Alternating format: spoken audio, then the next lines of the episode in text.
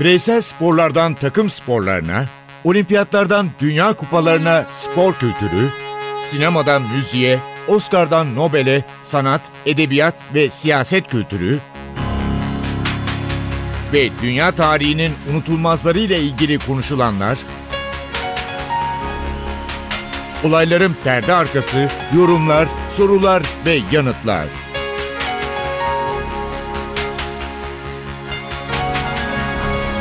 Ercan Taner ve Mert Aydın'la Ateş Arabaları başlıyor.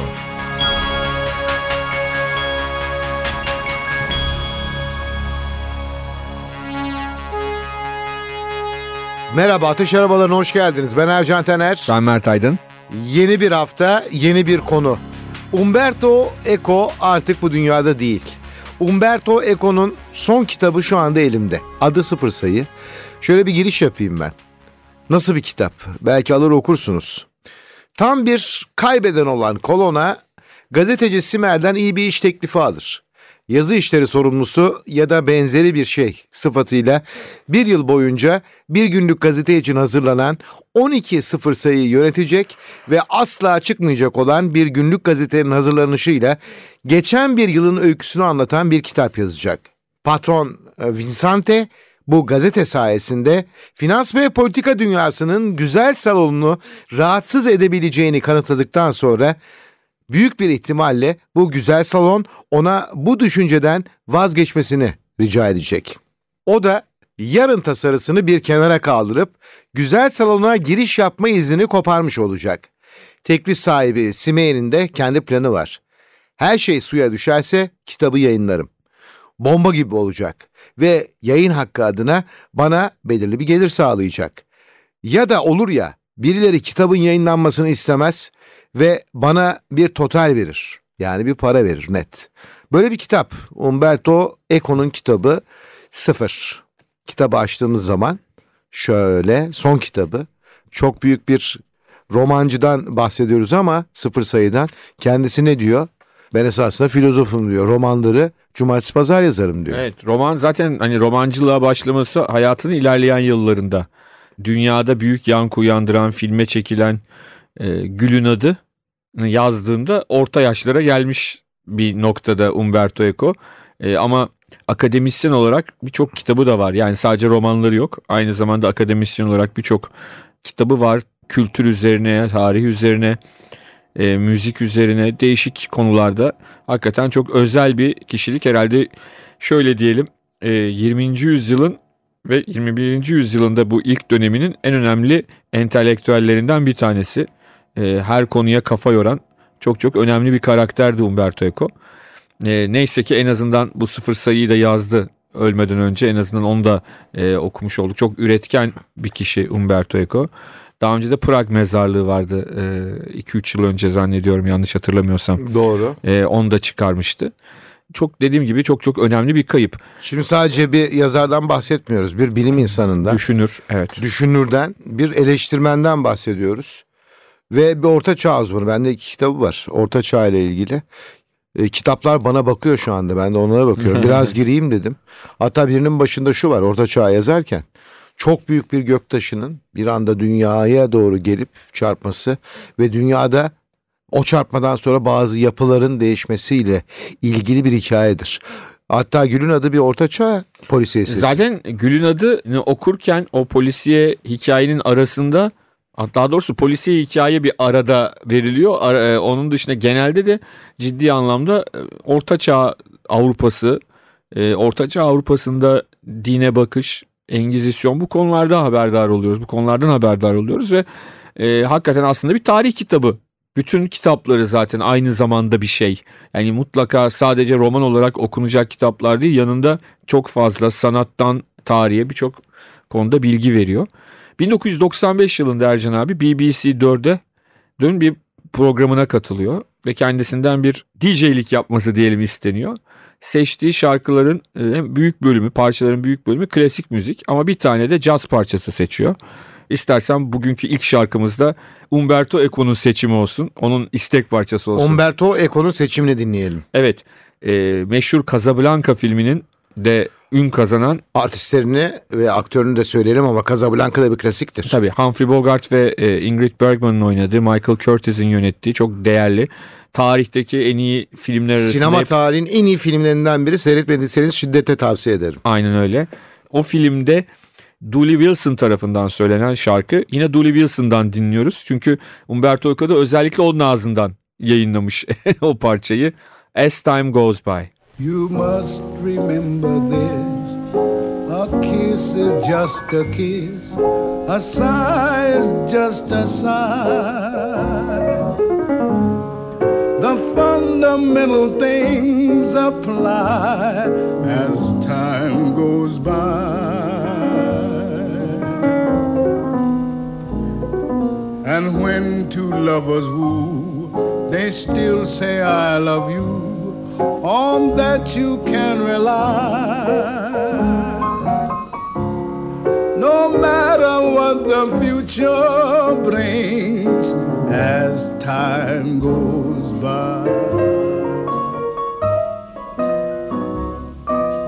Moonlight and love songs never out of date.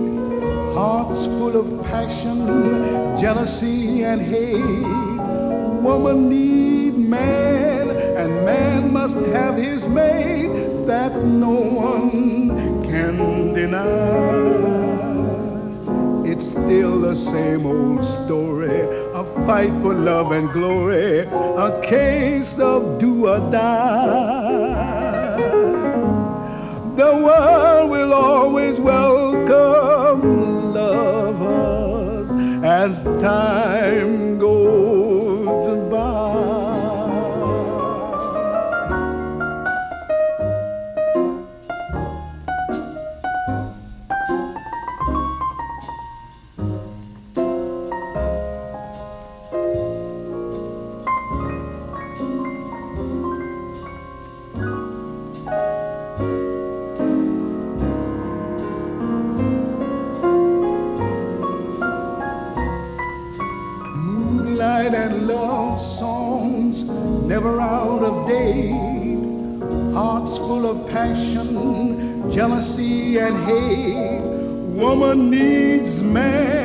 and man must have his mate that no one can deny. It's still the same old story, a fight for love and glory, a case of do or die. The world will always welcome lovers as time goes by. Tarihi seviyorsanız özellikle tarihte Umberto Eco'nun etkilendiği bir isim var. Filozof, orta çağ uzmanı, yine tarih konusunda büyük eserler veren James Joyce'tan bayağı etkilendiğini görüyoruz Umberto Eco'nun.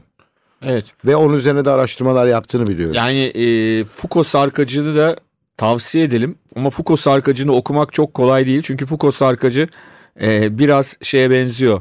James Joyce'un meşhur Ulysses okuması çok zor olan kitaplardan bir tanesi o da. E, hakikaten kitabı okurken bir yandan Foucault Sarkacı'nda bir maceranın içinde kendinizi buluyorsunuz ama o kadar dallanıp budaklanıyor ki hakikaten aynı zamanda bir sanat tarihi kitabı, aynı zamanda bir ortaçağ tarihi kitabı. Her şey var Foucault Sarkacı'nda. Onu da özellikle belirtelim. Şöyle diyelim. Bir Umberto Eco kitabı okuduğunuzda sadece bir roman okumuyorsunuz. Hangi kitabını alırsanız alın. Bu son sıfır sayı kitabında da e, hani bizim mesleğimizle ilgili olması açısından da çok çok değerli fikirler, çok çok değerli dersler alınabilecek bir kitaptı. Ercan abi ve hani bol bol böyle hani dura dura düşüne düşüne okunan bir kitaptı. Onu Şunu da söyleyeyim fazla kalın bir kitap değil. Değil evet. Ya 500 sayfa falan değil. Mutlaka şöyle saat 2'de başlasanız öğleden sonra bir tatil günü 4.30'da bitirirsiniz kitabı. Öyle bir kitap. Ama aklınızda çok önemli bazı temel ögeler kalabilir. 22 Haziran 1986. Arjantin İngiltere. Neden bahsediyorum biliyor musunuz? Dünyayı sarsan hakem hatalarından. Arjantin İngiltere. Arjantin iki gol atıyor tur atlıyor. Ama bu maçta neler oluyor? Evet bu maçta ilk yarısı 0-0 biten bir karşılaşma. Dünya Kupası çeyrek final maçı olduğunu hatırlatalım. E, Maradona ve Arjantin performanslarıyla çok ön plana çıkmış durumdalar. İngiltere'de de Gary Lineker performansıyla ön plana çıkmış durumda. Ve Arjantin favori olarak maça başlıyor. Artı 80'lerin başında iki ülke arasında e, yaşanan bir savaş var. Falkland Savaşı olarak bilinen. Ama Arjantinlilerin Malvinas Savaşı olarak düşündüğü. Çünkü Arjantinliler o adalara Las Malvinas diyor. E, İngilizler de Falkland diyorlar. Bunun üzerine yapılmış bir savaş var ve bu yüzden iki ülke arası e, savaş artık olmamasına rağmen limoni. O kadar gergin ki. Bir Evet. de şu var 1966 Dünya Kupası'nda İngiltere Arjantin karşı karşıya geliyor. İki ülke neredeyse yine savaşın eşiğine geliyor. Evet orada da e, şu onu da çok kısa açalım. Maçı yöneten Alman hakem Arjantin kaptanı Ratin'i oyundan atıyor. Ama Ratin oyundan yavaş yavaş çıkarken büyük bir gerilim yaşanıyor. Aynı gün 66 Dünya Kupası'nda Almanya Uruguay maçını da İngiliz hakem yönetip Uruguay kaptanını atıyor.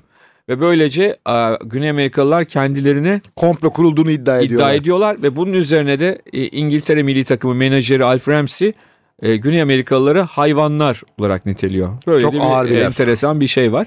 Ve e, 1986 Dünya Kupası çeyrek final maçına da Arjantin dediğim gibi çok ciddi favori olarak çıkıyor ama maçın ilk yarısında İngilizler e, Arjantin'e çok fazla imkan vermiyorlar. İkinci yarının başlarında e, bir Arjantin hata oluyor. İzleyenleri e, izlediği şekilde anlatıyorum. Arjantin savunması, şey İngiliz savunmasından seken top Maradona ve kaleci Shilton birlikte yükseliyorlar. Ve biz Maradona'nın o küçücük boyuyla kafayla golü attığını görüyoruz. Hakem de öyle görüyor. Ancak Arjantinliler sevinirken bazı İngiliz oyuncular offside itirazında bulunuyor.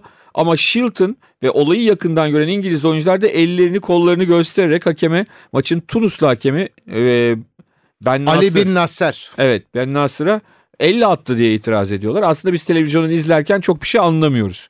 Ancak daha sonra tekrarda çok net bir şekilde Maradona'nın e, kolunu hatta yumruğunu kullandığını e, çünkü Shilton'ı e, boyda yakalamak çok kolay değil Maradona açısından. Bunu görüyoruz. Daha sonra Maradona belki tarihin en güzel gollerinden birini atıyor. Orta sahanın gerisinden aldığı topla İngiliz oyuncuları ipe dizer gibi dizip en sonda kaleci Shilton'ı geçip 2-0 yapıyor.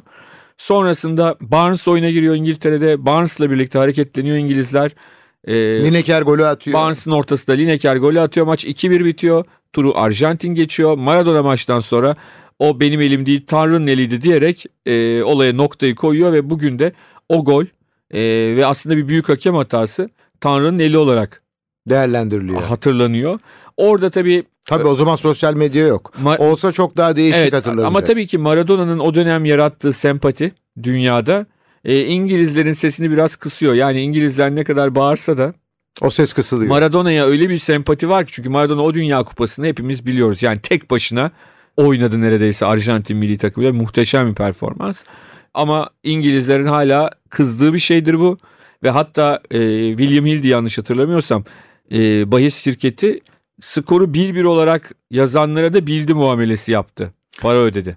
Yine yakın zamandan bahsediyorum. 27 Haziran 2010. Almanya İngiltere. Almanya 4-1 önde. Maç Almanya'nın 2-1 üstünlüğüyle sürüyor. Bayağı iyi bir maç oluyor. Dakika 38 Lampard ceza sahası dışından vuruyor. Top üst direğe çarpıyor. Yere doğru iniyor. İngilizler gol diyorlar. Gol. Hayır diyor maçın hakemi. Uruguaylı hakem Jorge Larionda. Sonra televizyondan seyrediyoruz. Topun tamamı geçmiş. Belki turnuvanın kaderi değişecek. Belki İngiltere'nin kaderi değişecek. Oyun devam ediyor. İngilizlerin morali bozuluyor ve Almanlar 4-1 kazanıyorlar. Evet. Ya tabii şimdi o o gol aslında çok farklı sonuçlar doğurdu. İngilizler sonra şunu da kabul ettiler. Yani maçın yardımcı hakeminin o hızlı oynanan oyunda o pozisyona yetişip golü vermesi mümkün değildi. Yani futbolun hani e, bilgisayar oyunlarında bug'lar vardır. Oyunun böyle enteresan noktalarında. Yani futbol oyununun bug'ı aslında hakemlerin yetişip çizgide çizgide doğru hizada bulup çizgiyi geçip geçmediğini anlaması. İngilizler kendi ülkelerinde gol çizgisi teknolojisini uygulamaya başladılar. Ee, şimdi e, International Board'un IFAB'ın da e, böyle bir kararı tüm ligler için alması bekleniyor. E, gol teknolojisini. E, Bence çünkü- de almaları Çünkü lazım. hakikaten yardımcı hakemin o pozisyonda bir suçu yok. Çünkü oyun çok hızla oynandığında yardımcı hakem son adamla şey olmak zorunda, hizada olmak zorunda offside'ı yakalayabilmek için. E, son adamla olduğu zaman da bu sefer çizgide olamadığı için e, gol çizgisinde pozisyonu değerlendiremiyor. O yüzden de e, bu bir hakem hatası ama hakemin hatası yok diyelim hakem hatasında. E, ama e, sonucu da böyle. Başka liglerde, başka kupalarda da buna benzer pozisyonlar çok oldu. Bazen işte duran top zamanı ise hakem çizgide oluyor şans eseri ve olayı yakalayabiliyordu. Sonra UEFA ne yaptı? Bizim ligimizde de uygulanıyor. Ekstra hakemler koydu.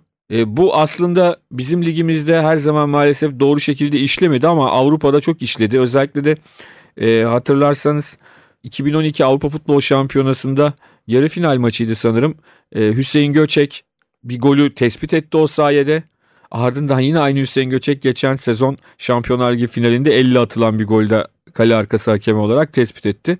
E, ama işte futbolun kaderi. Yani burada belki Ben Nasır kadar suçlayamayız Uruguaylı hakemi. 27 Haziran 2010'a gidelim. Arjantin Meksika maç 0-0. Dakika 26 Tevez ceza sahası. Ama o kadar net bir olsaydı ki maçın hakemi Roberto Rossetti İtalya. Golü geçerli saydı. Sonra dev bir ekran var. Baktı pozisyon evet pozisyon offside. Ama Rossetti kararından vazgeçmedi ve offside golle Arjantin golü attı. Evet e, aslında Rossetti'nin e, doğru yaptığını düşünüyorum.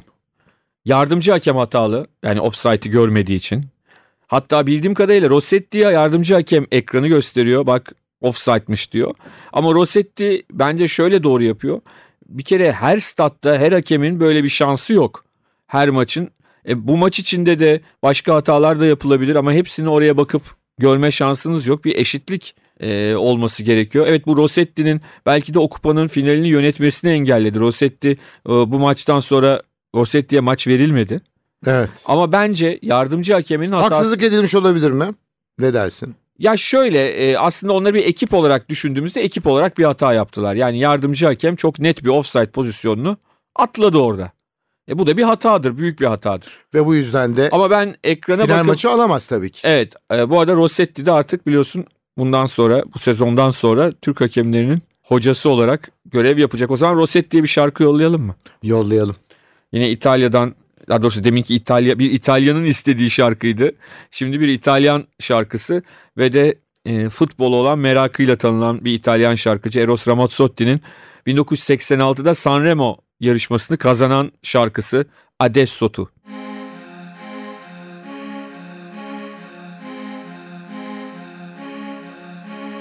Nato ai bordi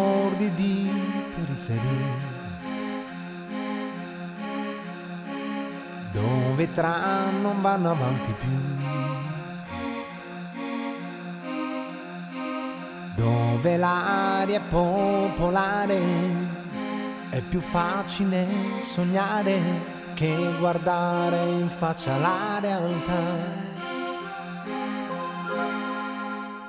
Quanta gente giovane va via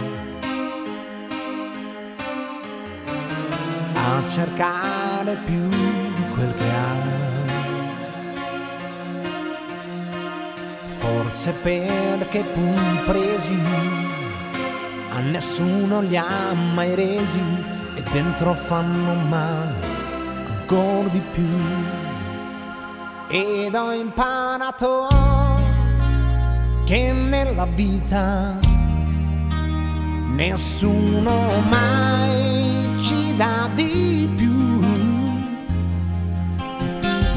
quanto fiato, quanta salita, andare avanti senza voltarsi mai.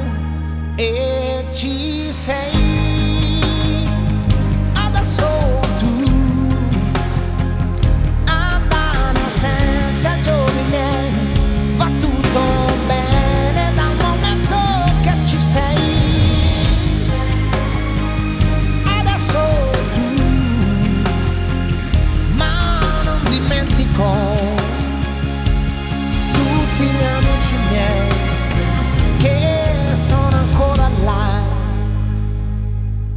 ci si trova sempre più soli.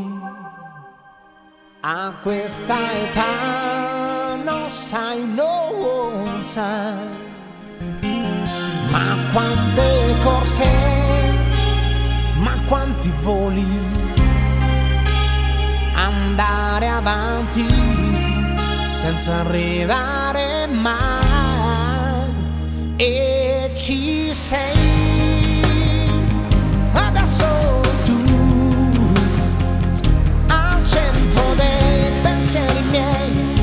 partem.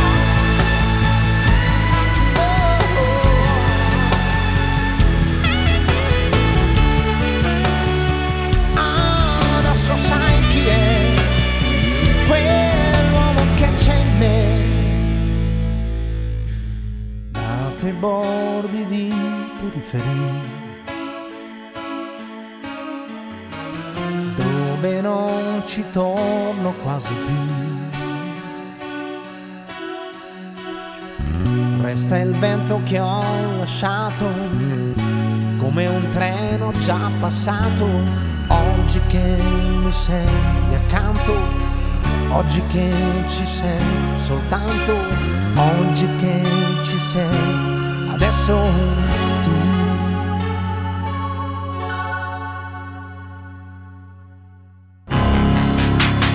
Ercan Taner ve Mert Aydın'la Ateş Arabaları devam ediyor.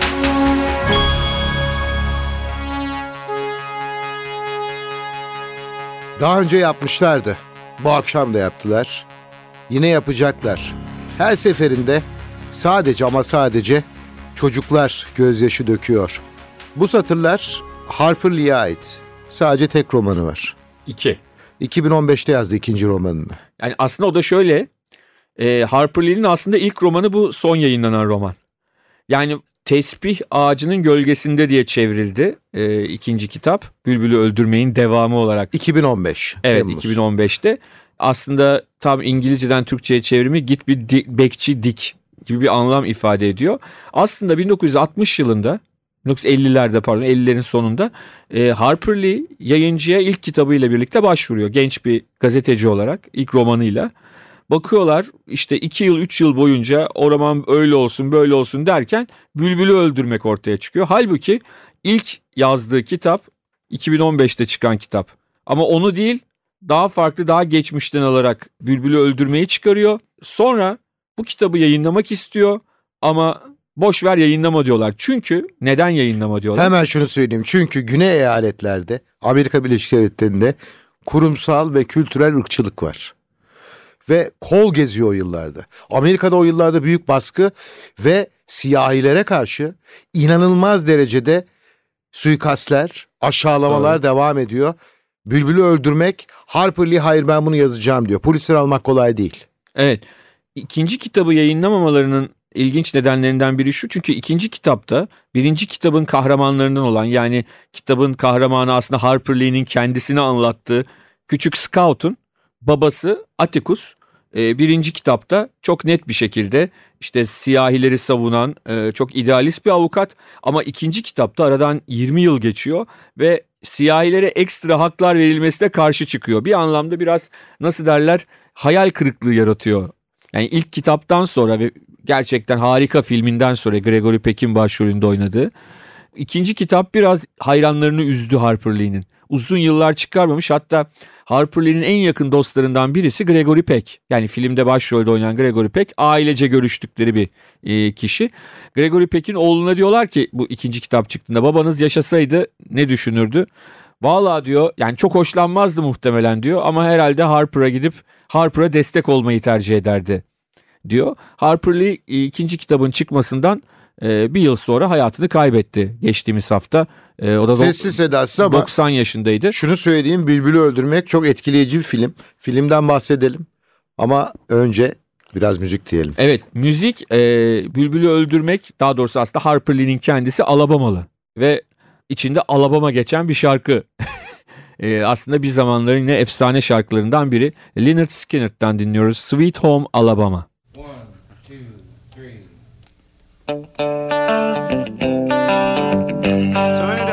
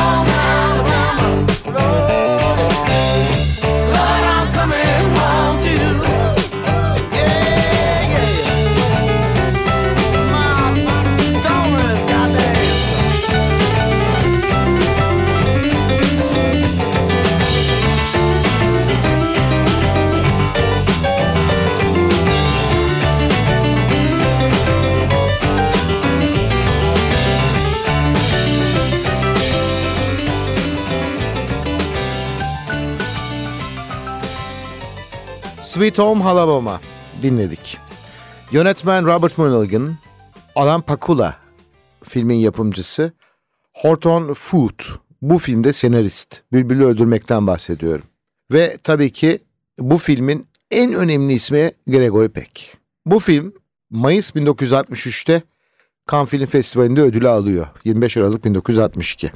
Filmin en önemli özelliği, daha sonra seyrettin mi sen bilmiyorum. Çok. En iyi 25 mahkeme filmi derler. Mahkemede geçer. 12 Kızgın Adam 1957. Bu da çok süper filmdir. süper film. Kuzenim Winnie 1992. O biraz daha sulu bir filmdir ama o da çok güzel bir filmdir. Şunu söyleyelim. Ee, Şimdi bu film ama şunu çok özür Evet, dilerim. Kongre Kütüphanesi'nin Ulusal Film Arşivinde sonsuza kadar muhafaza edilmesine karar verilmiştir. Bülbülü öldürmek. Evet. Ee, dediğimiz gibi kitap da çok güzel, filmi de çok güzel Ee, ve bu kitabın önemli özelliklerinden biri Harper Lee'nin kendi çocukluğundan esintiler taşıması. Yani Harper Lee'nin babası da avukatmış. Birebir aynısı değil ama yaşamlarında o da siyahi iki kişiyi savunmak durumunda kalmış. Ee, onlar yani onlar onda bir iz bırakmışlar ve kitaptaki karakterlerden biri dil karakteri de Harper Lee'nin çocukluk arkadaşı ve daha sonra yine ünlü bir yazar olan e, Tiffany'de kahvaltı kitabıyla da çok tanınan Truman Capote'den esinleniyor. O da çok yakın arkadaşı. Ve ilginç olan nokta şu. İkinci kitapta e, birinci kitapta abisi Cem vardır. İkinci kitapta onun Kore Savaşı'nda öldüğünü öğreniyoruz.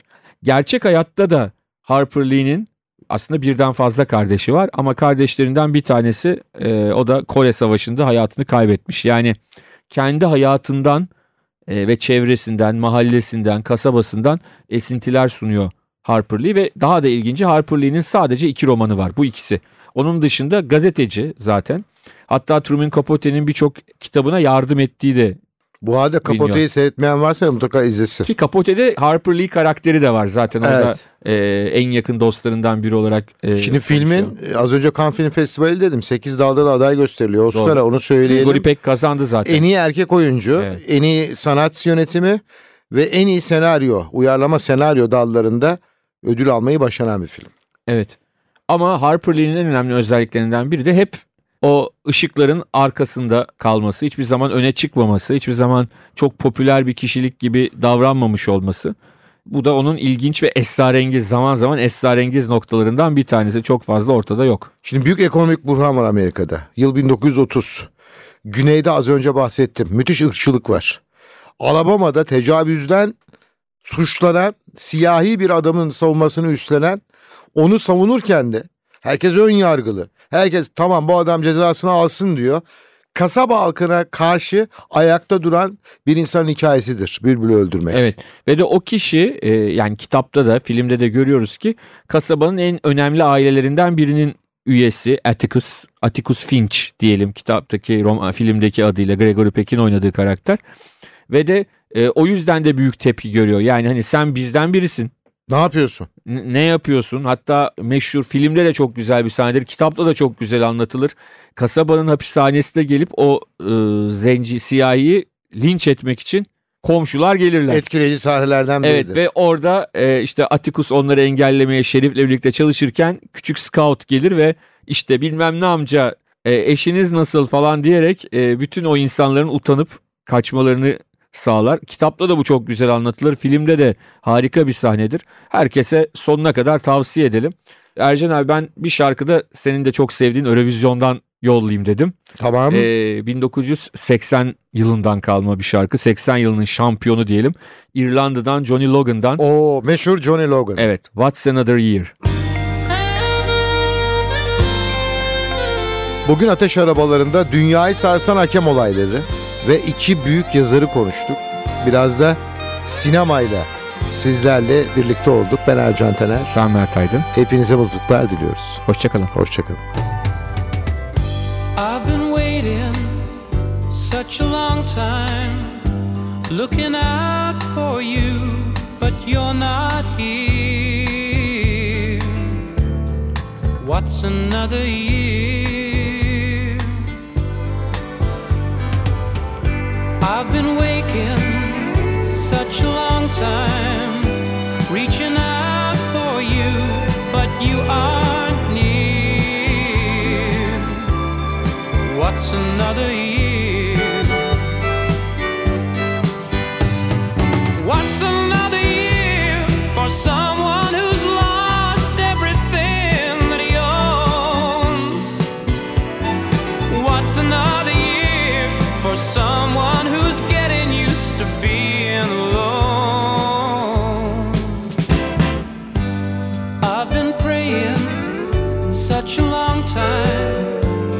It's the only way to hide the fear.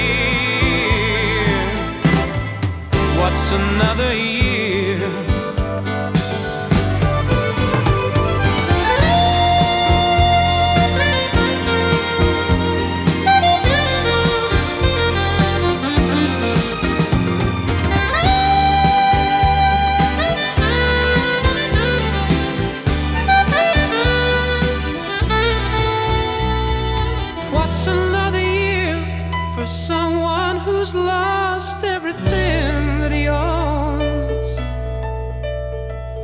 What's another year for someone who's getting used to being alone? I've been crying such a long time with such a